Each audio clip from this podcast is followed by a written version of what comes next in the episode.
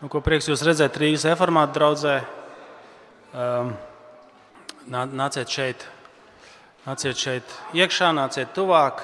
Uh, mēs šodien uzsāksim jaunu dievkalpojumu sēriju par uh, apstuļu Pāvila vēstuli romiešiem. Un, uh, tā galvenā doma, ko mēs tur redzēsim, ka Kristus ir valdnieks pār visu, ka viņš caur evaņģēliju pievērš ticībai visas tautas. Šodien nolasīsim pirmo raksturvieta, tad no pirmās nodaļas, 1 līdz 7 pāns, klausīsimies, ko svētais garš šodien saka draudzēji. Pāvils, Jēzus Kristus kalps, aicināts būt par apustuli, izvēlēts sludināt Dieva evaņģēliju, ko viņš jau iepriekš ar saviem praviešiem svētajos rakstos ir apsolījis par savu dēlu, Jēzu Kristu, mūsu kungu, kas pēc miesas ir dzimis no Dāvida dzimuma un pēc svētuma gara ar augšām celšanos no mirušajiem, apliecināts ar spēku par Dieva dēlu. Caur viņu mēs esam saņēmuši žēlastību un apustulisko svētību viņa vārdā, pie ticības paklausības vēst visas tautas. No tām nākat arī jūs, Jēzus Kristus aicinātie. Jums visiem Dieva mīļotajiem, aicinātajiem, svētajiem, kas esat Romā, Žēlastība jums un miers no Dieva, mūsu Tēva un Kunga Jēzus Kristus. Tas ir Dieva vārds. Nu, ko pirms mēs ieklausāmies šīs dienas tekstā, lūgsim. Es nekaunos evaņģēlīja. Tas ir Dieva spēks pestīšanai ikvienam, kas tic. Jūdam vispirms un arī grieķiem. Kungs, tiešām mēs te pateicamies par to, ka evaņģēlijā ir tavs spēks. Tas ir spēks pestīšanai, lūdzam, lai mēs tam atsaucamies, vai ja mēs tam ticam, kungs, lai mēs augam tajā. Un tiešām, kā, kā ir sacīts, tas ir spēks ikvienam, kas tic, lūdzam, dod mums ticību, atraisa mūsu sirdis, uzņem tavu vārdu ar uzmanīgu un bijīgu ticību. To lūdzam Jēzus vārdā. Āmen. Āmen. Es nezinu, vai jūs lietojat tādas uh, straumēšanas uh, platformas kā Netflix Es nezinu, kā pārējās tas ir, bet, bet, bet, bet Netflixā ir tāda, tāda feature, tāda podziņa, kuru, teiksim, ja tu skaties seriālu un tu jau zini to, to galviņu, to sākumu, saucās skip intro. Uh, tu vari pārlikt pāri. Ja? Un mēs šos pirmos septiņus pāns romiešu vēstulē varam kaut kā līdzīgi uztvert. Kā galviņu vēstulē, kur mēs rakstām, tur cienījamais, kaut arī mēs to cilvēku nepazīstam, vai tur cieņā, godātais, ne cieņas, ne goda. Ja mēs nezinām to cilvēku, tas ir kaut kāds tāds.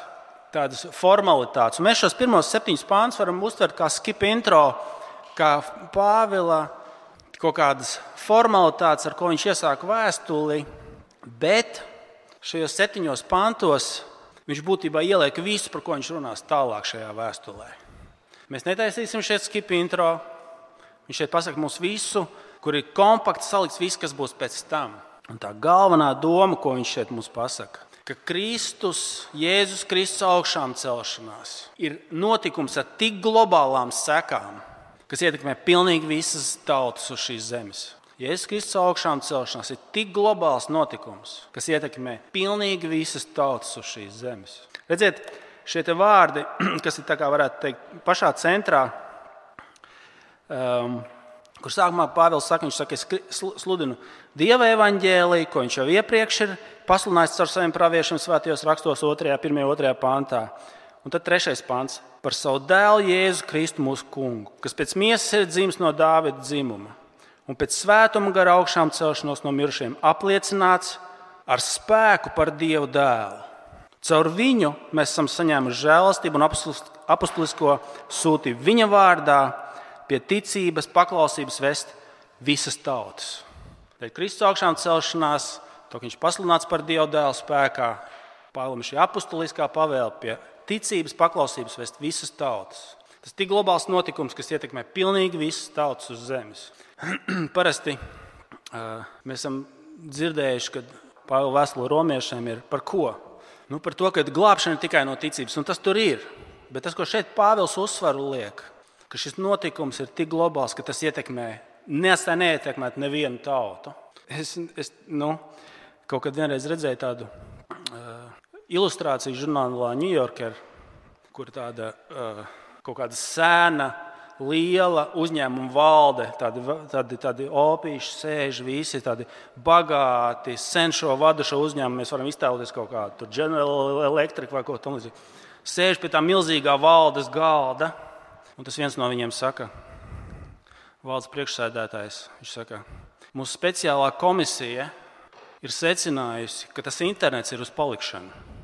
Mūsu speciālā komisija pēc šī, šiem 30 gadiem ir secinājuši, ka tas internets ir uz palikšanu. Par ko ir šis joks?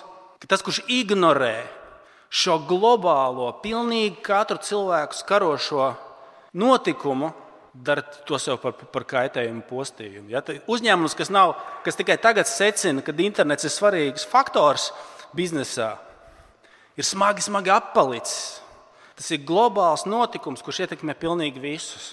Un tas, ko Pāvils šeit saka, šis notikums, ar kuru Kristus ir pasludināts par Dieva dēlu, spēkā ar viņa augšām celšanos, ir tik globāls notikums, ka mēs viņu ignorējot, to darām sev par kaitējumu, darām to sev par postu. Es negribu, lai jūs eh, nobīstaties. Mums šodien ir pieci punkti. Tas nozīmē, ka bērniem ir piecas končiņas, bet pieaugušie nebīstaties. Mēs lakoniski ātri iziesim viņiem cauri. Piecas minūtes katram punktam mēs palaižam pulksteni. Kas, kas tad ir šīs vēstījuma sastāvdaļas? Kas tad ir šis vēstījums, globālais vēstījums visiem, kas nesēja nevienu neskartu? No kā viņš sastāv? Kas tur ir? Mēs izcelsim piecas svarīgas lietas. Okay? Pirmkārt, kas tad ir šis vēstījums, šis evaņģēlijs, ko Pāvils sauc? Pirmkārt, pirmā lieta, kāds ir viņa avots? Kāds ir šī vēstījuma avots? Pirmkārt, tas ir Dieva evaņģēlijs. Avots ir pats Dievs. Pirmkārt, avots tas ir Dieva evaņģēlijs. Redziet, pirmajā pantā. Pāvils, Jēzus Kristus kalps, aicināt būt par apakstuli, izvēlēts sludināt Dieva evaņģēliju. Aicināt sludināt Dieva evaņģēliju. Šis evaņģēlijs, šis vēstījums, viņa izcelsme, viņa avots nav cilvēki, bet tas ir Dieva evaņģēlijs. Uzreiz mēs izdarīsim pāris secinājumus. Ko, ko tas nozīmē, ka Pāvils saka, tas ir Dieva evaņģēlijs? Pāvils saka, tas, ko jūs dzirdēsiet no manis, tas ir no Dieva. Kad es runāju, runā Dievs. Piemēram, savā vēstulē Teslonikiešiem viņš saka, es priecājos, ka mūsu vārdus jūs neuzņēmāt kā cilvēku, bet kā dievu vārdu, kas tas arī ir. Pāvils saka, kad es runāju, apstuļu autoritātē, tas evaņģēlijs, ko jūs mums esat atnesis, tas ir Dieva vārds. Tas ir Dieva evaņģēlijs. Ko tas nozīmē? es pirmkārt uzrunāšu jūs, brāļus māsas kristieši. Tas pirmkārt nozīmē, ka mums pie šī evaņģēlīja klausīšanās jānāk ar lielām gaidām, ar lielām expectācijām, ka šeit runā Diev, Dievs pats. Pēc mirkļa Pāvils mums pateiks, mēs tikko lasījām, pirms mēs iesākām. Ja? Es nekaunos evaņģēlīju, jo tas ir Dieva spēks. Tas dieva, šis Dieva evaņģēlijs ir Dieva spēks. Kad mēs nākam pie tā, mēs varam sagaidīt daudz, jo Dievs pats savā spēkā ar to darbosies. Tas ir Dieva spēks, ar ko viņš darbosies. Tāpēc tev, brāl, un māsa, tu kā noteikti to zini, tu esi to dzirdējis. Bet tā, kad mēs nākam pie tā, lai sagaidām, ka Dievs darbosies savā spēkā, un es domāju, ka mēs bieži vien nu, nesagaidām neko tur daudz. Pareizi. Mēs nesagaidām, bet ja tas ir kā Pāvils saka, Dieva evaņģēlijas, tas ir Dieva spēks, lai sagaidām daudz, ja, tas ir tas veids, kā viņš darbosies. Tas ir pirmā lieta. Otrs, es gribu jums ar skeptiķiem parunāt, paklā, lai, lai pie, pievērst jūsu uzmanību. Ja tas tiešām ir Dieva evaņģēlijas, ja tu vienkārši dod šo iespēju viņam, tad Pāvils, iedomājies, Pāvils saka, es runāju Dieva vārdā. Mums tikai trīs iespējas, priekš jums skeptiķiem, tikai trīs iespējas. Vai nu Pāvils ir melis un viltvārdis? Ja viņš saka, es runāju jums Dieva vārdus, tad vai nu viņš ir melis un viltvārdis, vai nu viņš ir traks, reāli traks vienkārši. Mēs ar tādu cilvēku, jūs, nezinu, jūs es noteikti esmu saskāries, ja? bet tie ir traki cilvēki. Vai nu trešā viņš ir viltvārdis, tātad melis, vai nu trakais, vai nu tā iespēja, ko es aicinu jūs izmēģināt, dot tam iespēju ieklausīties. Ja viņš nav traks un jau, saprotiet, ja viņš ir, pirmo variantu pastīsimies, ja viņš ir, ja viņš ir melis, viltvārds, es pieminēju Netflix, Netflix ir pilns ar, ar seriāliem, dokumentāriem seriāliem par reliģiskiem viltvāržiem. Ja? Reliģiskie viltvārži, kas manipulē cilvēkus, melo, ja, lai, lai, lai tam nāk savu veidu augļi. Ja? Tur ir mantkārība, tur ir manipulācija, tur ir visas šīs lietas, ko mēs neredzam pie Pāvila. Vai ja viņš ir trakais, trakajiem, ja jūs ar viņiem esat saskārušies, kas reliģiskas lietas runā, ja? tam ir sava veida augļi. Viņi nav labi. Tai trakajai, reliģiskajai enerģijai, ja? viņai nenāk labas lietas līdzi. Pie Pāvila mēs to neredzam. Un tad, tas, ko es gribu izaicināt, jūs dot iespēju. Jūs atklāsiet Jūs atklāsiet loģiku, saprātu, mīlestību, rūpes, visu labo jūs tur redzēsiet. Pie Pāvila personas, ja jūs skatīsieties, un pie tā, ko viņš liek mums priekšā. Dot iespēju, ja nu gadījumā tiešām tas ir Dieva vārds, ja? tev skeptiķi, dot tam iespēju, jo ceturtās iespējas nav. Vai nu viņš ir melis un viltvārdis, kas manipulē cilvēku savu, vai nu viņš ir traks, vai varbūt tiešām tas ir Dieva vārds. Dot, dot tam iespēju. Ja? Tad pirmkārt, tas, kas mums priekšā ir, tas ir Dieva evaņģēlijs. Sagaidīsim un pieiesim pie tā ar augstām gaidām. Ja? Tas ir pirmais. Ejam uz priekšu. 5 minūtes. Katram punktam 5 minūtes. Ejam tālāk. Otrs, tad, tas ir Dieva evaņģēlijs. Otrakārt, kas ir šī evaņģēlijas saturs? Un te mums arī būs pārsteidzošas lietas. Kas ir šī evaņģēlijas saturs? Tas Dieva evaņģēlijs, kas viņa saturs?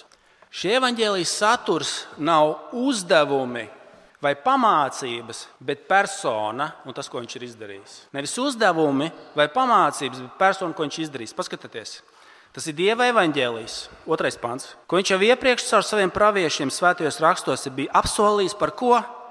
Par savu dēlu, Jēzu Kristu, mūsu kungu.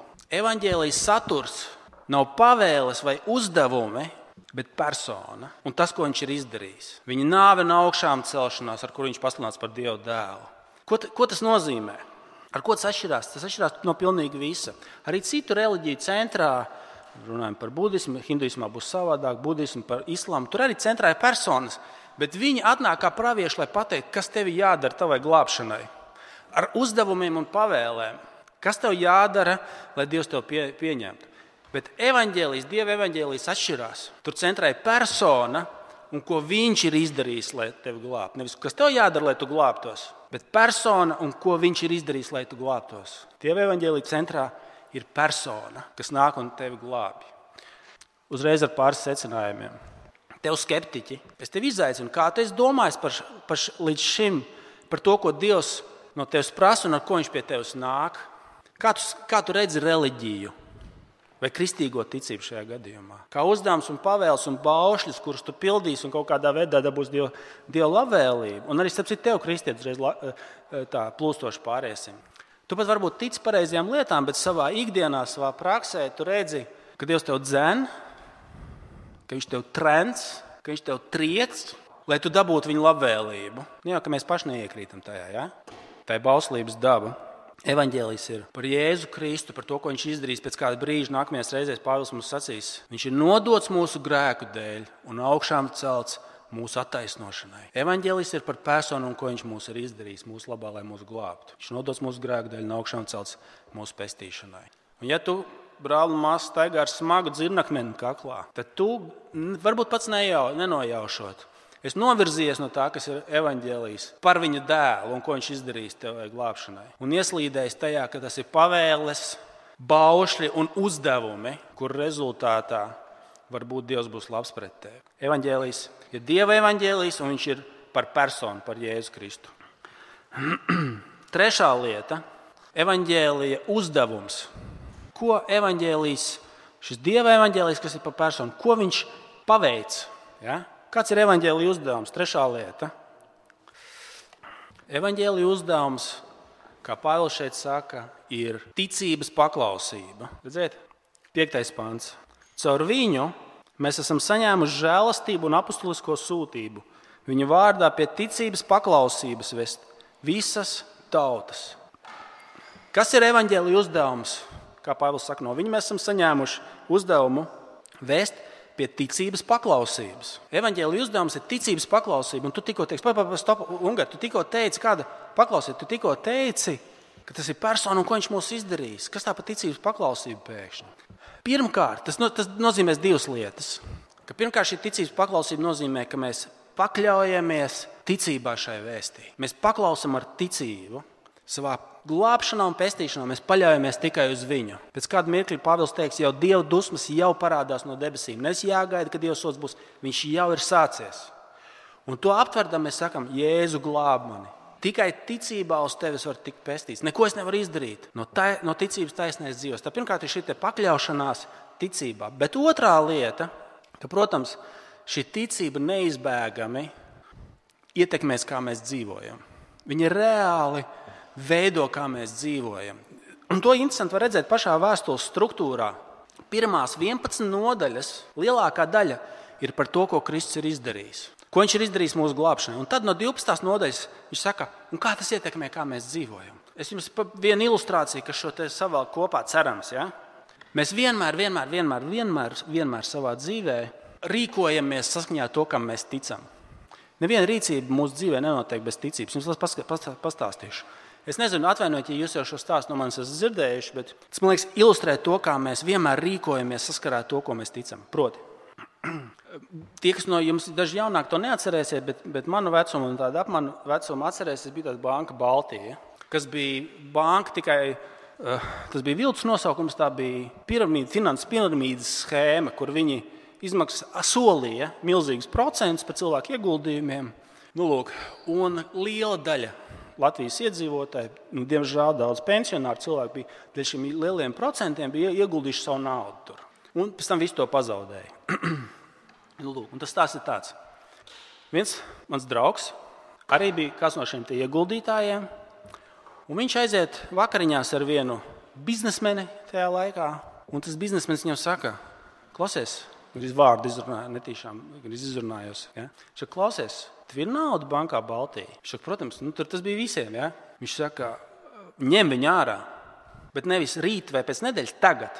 Ņem naudu ārā. Viņš saka, kas paliek? Viņš saka, zini, kas ir? Viņi man nogrieza kredītlīniju. Biznesam pārtrauc kredītu, respektīvi ir problēmas kaut kādas. Un tas mans draugs. Viņš zvana augstu stāvošam bankas, augstu stāvošam un saka, klausies, es dzirdu, ka ir problēmas, vai man jārauj nauda ārā. Viņš saka, viss ir kārtībā, viss ir kārtībā, naudu mierīgi var atstāt. Nu, lūk. Un lūk, mans draugs ir dilemmas priekšā. Kam viņš ticēs? Jūs saprotat, tu vienmēr rīkojies saskaņā ar to, kuram vārdam tu tici. Viens vārds viņam teica, nāk posts, glābies. Nāk posts, glābies. Un otrs saka, viss būs kārtībā. Problēmas nekādas nav. Un mans draugs rīkojās saskaņā ar to vārdu. Viņš ticēja vienam vārdam, otram neticēja. Ja? Tāpat arī šeit. Protams, viņš savu naudu tur atstāja un visu pazaudēja. Ja? Tā bija svarīga autoritāte, kas viņam to pateica. Respektīvi, tieši tāpat arī mēs.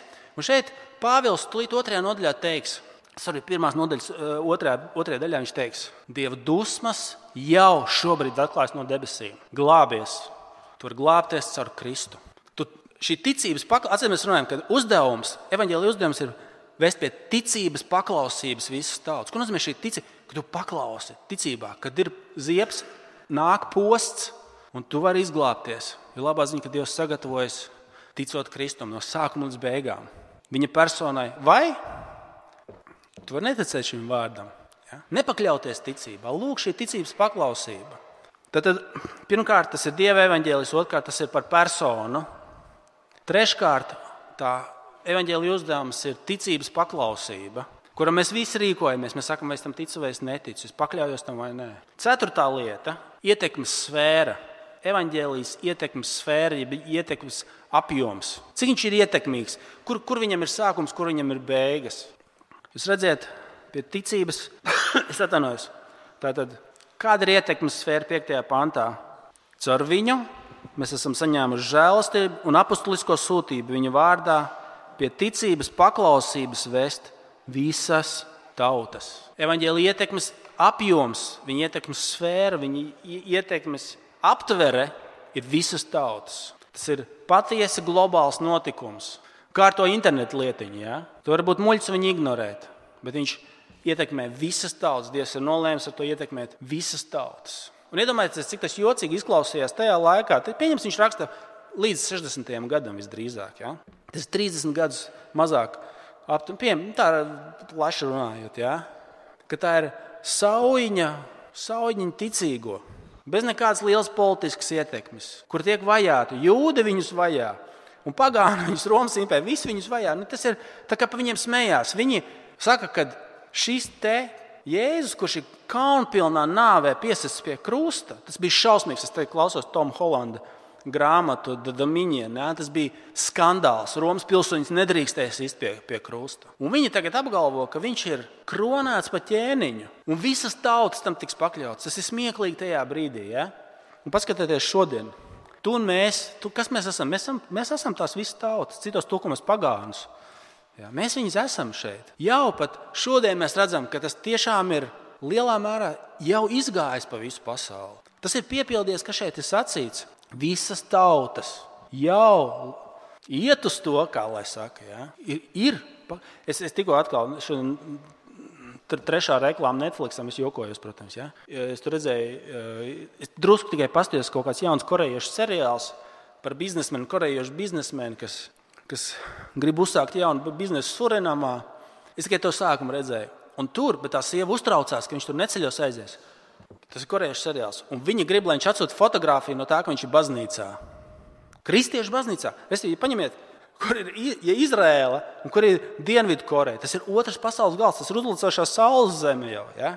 Korejiešu sieva pieprasa, lai redzētu, ka vīrs ir baznīcā. Par, par ko runa? Mēs jau šo darbību redzam, kad evaņģēlijas jau iziet, un, un daudz ir izgājis pa visu pasauli. Evaņģēlija ietekmes sfēra ir globāla, nevis lokāla. Dažreiz mums te mazai saujiņai kaut kur vai draudzē vai vienam pašam darbvietā vai skolā var likties, kas tas ir. Ja visa pasaule pret mums, bet nē, Dievs ir noteicis, ka tas izies pa visu pasauli, un tas iziet un izies. Tā ir globāla ietekme. Ietekmes sfēra ir visas tautas, patiesi globāls, patiesi globāla ietekme. Nu, ko, pēdējā lieta, nu, šis būs, domāju, liels pārsteigums mums daudziem. Pat ja mēs to formāli esam dzirdējuši, piektā lieta, kā mēs to nosaucam, evaņģēlīja mērķis Kāds ir evaņģēlīja mērķis? Tas būs pārsteidzoši. Jūs, jūs to, es domāju, ne, nu, nebūsiet gaidījuši. Ziniet, kāpēc? Tāpēc, ka mēs parasti ar evaņģēlīju, un kāpēc kā mēs arī nākam pie ticības, mums ir kaut kāda vajadzība. Mums ir slikti. Sliktākā gadījumā mums kaut ko ļoti no Dieva vajag. Labākajā gadījumā mums ir grēka nomāca sirdsapziņa. Ja? Mums vajag, lai mums būtu pie... Bet mēs to redzam kā kaut ko subjektīvu, personisku vajadzību, ko Dievs varētu atrisināt. Bet evaņģēlīja mērķis ir absolūti teocentrisks, dieva centrēts. Un evaņģēlīja mērķis, kā mēs šeit, to šeit redzam, ir Kristus gods. Mēs parasti domājam, ka tas ir kaut kas uz mums un ap mums, kaut kāds labums, ko mēs dabūjam. Bet šeit mēs lasām, ka evaņģēlīja mērķis ir nevis antropocentrisks, bet teocentrisks, jeb šo dieva centrēts. Paskatieties, šajā konkrētajā tulkojumā mēs to tik precīzi neredzēsim. Es parādīšu vēl vienu citu raksturvietu jums. Piektais pāns.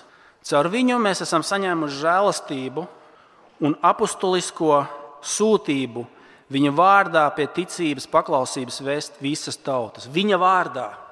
Viņa vārds ir tas, kas ir centrā. Un burtiski grieķu tekstā tur ir priekš viņa vārda, uz viņa vārdu vēst ticībā. Tas, kas ir centrā, priekš kam tas tiek darīts, ir Kristus vārds. Es vienreiz jums lūgšu pāršķirt uz, uz 15. La, nodaļu šajā pašā romiešu vēstulē. Tāpat doma būs redzama, lai, lai, lai, jūs, lai jūs pārliecinātos. Atšķiriet 15. nodaļu, romiešiem 15, 7. Tādēļ pieņemiet citu, citu, kā arī Kristus mūs ir pieņēmis Dievam par godu. Kāpēc Kristus tevi ir pieņēmis?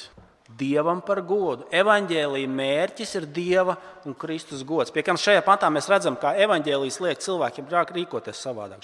Kā Kristus jūs ir pieņēmis Dievam par godu, pieņemiet viens otru. Ja mēs redzam šo ticības paklausību, kas izmainīts veids, kā mēs darbojamies viens pret otru, nāk no evanģēlija. Ja? Kā Kristus jūs ir pieņēmis Dievam par godu, pieņemiet viens otru. Ja? Mēs redzam, ka evanģēlija, bet tas mērķis ir Dieva gods. Mēs esam pieraduši, ka tas ir par mums kaut kādu labumu, ko mēs saņemam. Bet evaņģēlījuma mērķis ir Kristus un Dieva gods. Pāris secinājumi, kas mums no tā nāk. šis punkts, šis pēdējais punkts, piektais punkts, ir tas īstais lakmus papīrītis.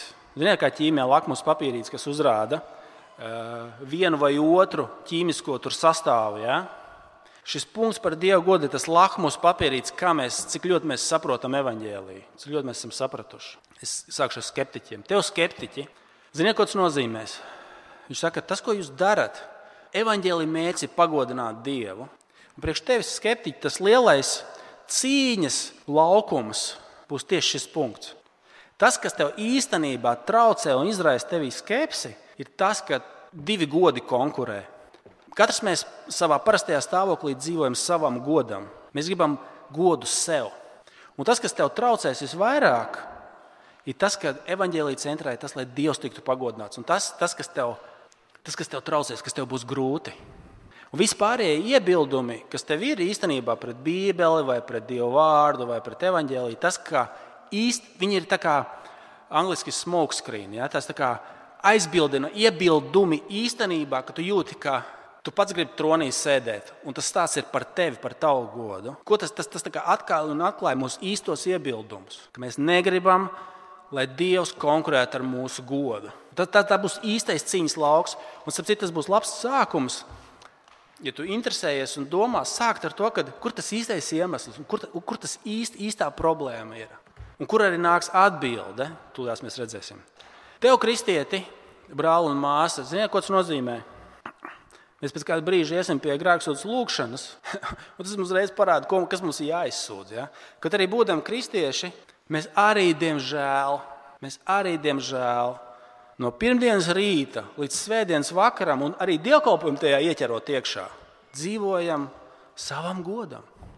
Mēs parasti no pirmdienas rīta līdz svētdienas vakaram dzīvojam savam godam. Mēs domājam par to, kā es varētu tikt pagodināts. Ir daži labi testi tam. Kāpēc mums nekad nepietiek laika vai domas, jā, kur mēs domājam, kā Dievs varētu tikt pagodināts? Tas kaut kā konfliktē ar to manā skolā, manā darbā, manā ģimenē. Mēs nedomājam parasti šajā kategorijā vispār, arī kā kristieši tas ir izaicinājums. Un tas tas parāda, ka tas evaņģēlijs šajā kaut kādā lietā, es nesaku, tu neesi ticīgs. Un tas attiecas uz pilnīgi visiem mums. Ja? Arī mācītājs savu darbu var darīt sev par godu. Saprotiet, ja? Tas parāda, ka evanģēlijas šis, te, šis, šis te viņa, viņa darbs nav paveicis to darbu pie mums vēl pagaidām. Tajā tieši lietā, ja? kāpēc mēs tik ļoti aizvainojamies, ka kāds nepamanā kaut ko, ko mēs esam darījuši. Runājot par kristiešiem, ja? arī ārpus draugs, vienalga ģimenē, sieva, vīrs tur, ja? ka viņš nepamanīja. Kāpēc viņš man nedēva godu? Draudzē mēs esam kalpoši. Kāpēc viņš man nedēva godu? Kāpēc man nepamanīja? Vai mums ir kaut kāda situācija, konflikts par kaut, situā... par kaut kādu jautājumu, un man netiek pievērsta manam viedoklim uz... uzmanība. Ja? Es netieku pagodināts, man netiek dot gods. Citiem sakot, tas ļoti, ļoti konkrēti saķer šis jautājums par Dievu godu. Tas saķer to jautājumu, tas izgaismo, kur mums, kur mums ir vajag nožēlot, kur mums vajag atdošanu, kur mums vajag augt. Un otra lieta, pēdējais, ko es gribu pateikt, jūs atklāsiet, ka dzīvot Dieva godam ir tik atbrīvojoši. Kad, tad, kad tu saproti, ka tu vari darīt lietas Dieva godam, es tagad jau terapeitiski jums to pateikšu. Tu atklāsi, ka tas ir tik atbrīvojoši pēkšņi. Jo tā apsēstība ar sevi, ar savu godu ir ļoti, ļoti nomācoša. Īstenībā tas tas, kas žņauc cilvēku dvēseli. Un dzīvot Dieva godam, tas var būt ļoti, ļoti īstenībā atbrīvojoši, ka tu novērsi acis no sevis. Bet tas nenotiek tāpatās, tas nenotiek ne no šā, no tā. Kā tas evaņģēlijs izdara to darbu tavā tavā darbā, tavā, tavā dzīvē. Apstieties, lūk, ir šis te zāles, septītais pāns. Tas ir zāles, kas mūs novērš no apsēstības ar savu godu, ka mēs varam sākt domāt par, par to, kā Kristus vārds tika pagodināts. Paskatieties, jums visiem dievu mīļotajiem, aicinātajiem, svētajiem, kas esat Romā, žēlastība jums un miers no Dieva, mūsu Tēva un Kunga Jēzus Kristus. Rekur ir tās evaņģēlijas zāles, kas tev ārstē no savas apsēstības ar sevi ka tu paskaties, ka Kristus dēļ, kāds ir tam rezultāts šim evaņģēlijam, ka jūs esat Dieva mīļotie, jūs esat svētie, un jums ir žēlastība un miers no tēva. Ka tu redzi, ka viņš tevi ir pagodinājis, ka tas gods, kas tev vajadzīgs, īstenībā nāk no viņa, ka viņš tev par savu bērnu nosauc. Tas ir tas, kas tev iepriecina tavu sirdi un, un, un iedod tev to godu, ko tev neviena cita lieta, neviens cits cilvēks nevar iedot. Un tad, kad tu to saķer, lūk, ir tas zāles. Un arī te, tev skeptiķi vai tev, kristieti, kas ir tas, kas tev ārstēs? Kad tu sapratīsi, ka tas vienīgais gods, kas tev ir vajadzīgs, ir no Dieva tēva. Un kad tev sirds par to iepriecināsies, tad tu teiksi, jā, es īstenībā gribu to Dievu pagodināt. Tas nenotiek no mums pašiem. Tas nāks ar to, ka mēs saprotam, kā Viņš tev ir pagodinājis. Un tad tu vari te, tu sākt teikt, ko, tas ir tas gods, kas man īstenībā ir vajadzīgs. Man ar to pietiks. Un pat tad, kad es viņu nesaņēmu, Tas ir ok. Es varu, es varu, es varu dzīvot Dieva godam. Tas ir, tas ir tas, ar ko man pietiek. Tas ir tas, ar ko man pietiks. Un tev, skeptiķis, grib teikt, vienīgais gods, kas tev ir vajadzīgs, kas tev, zini, kā, kas tev izārstēs. Tu nekad ar savām rociņām pats viņu nespēsi ar dūrītēm izkaut. Tev vienmēr nebūs gana. Vienīgais gods, kas tev vajadzīgs, ka tev ir grēcinieku, kurš negrib godināt Dievu. Dievs veicinājis pie sevis, piedevis savus grēkus un pagodinājis kopā ar savu dēlu, kā vienu no saviem bērniem.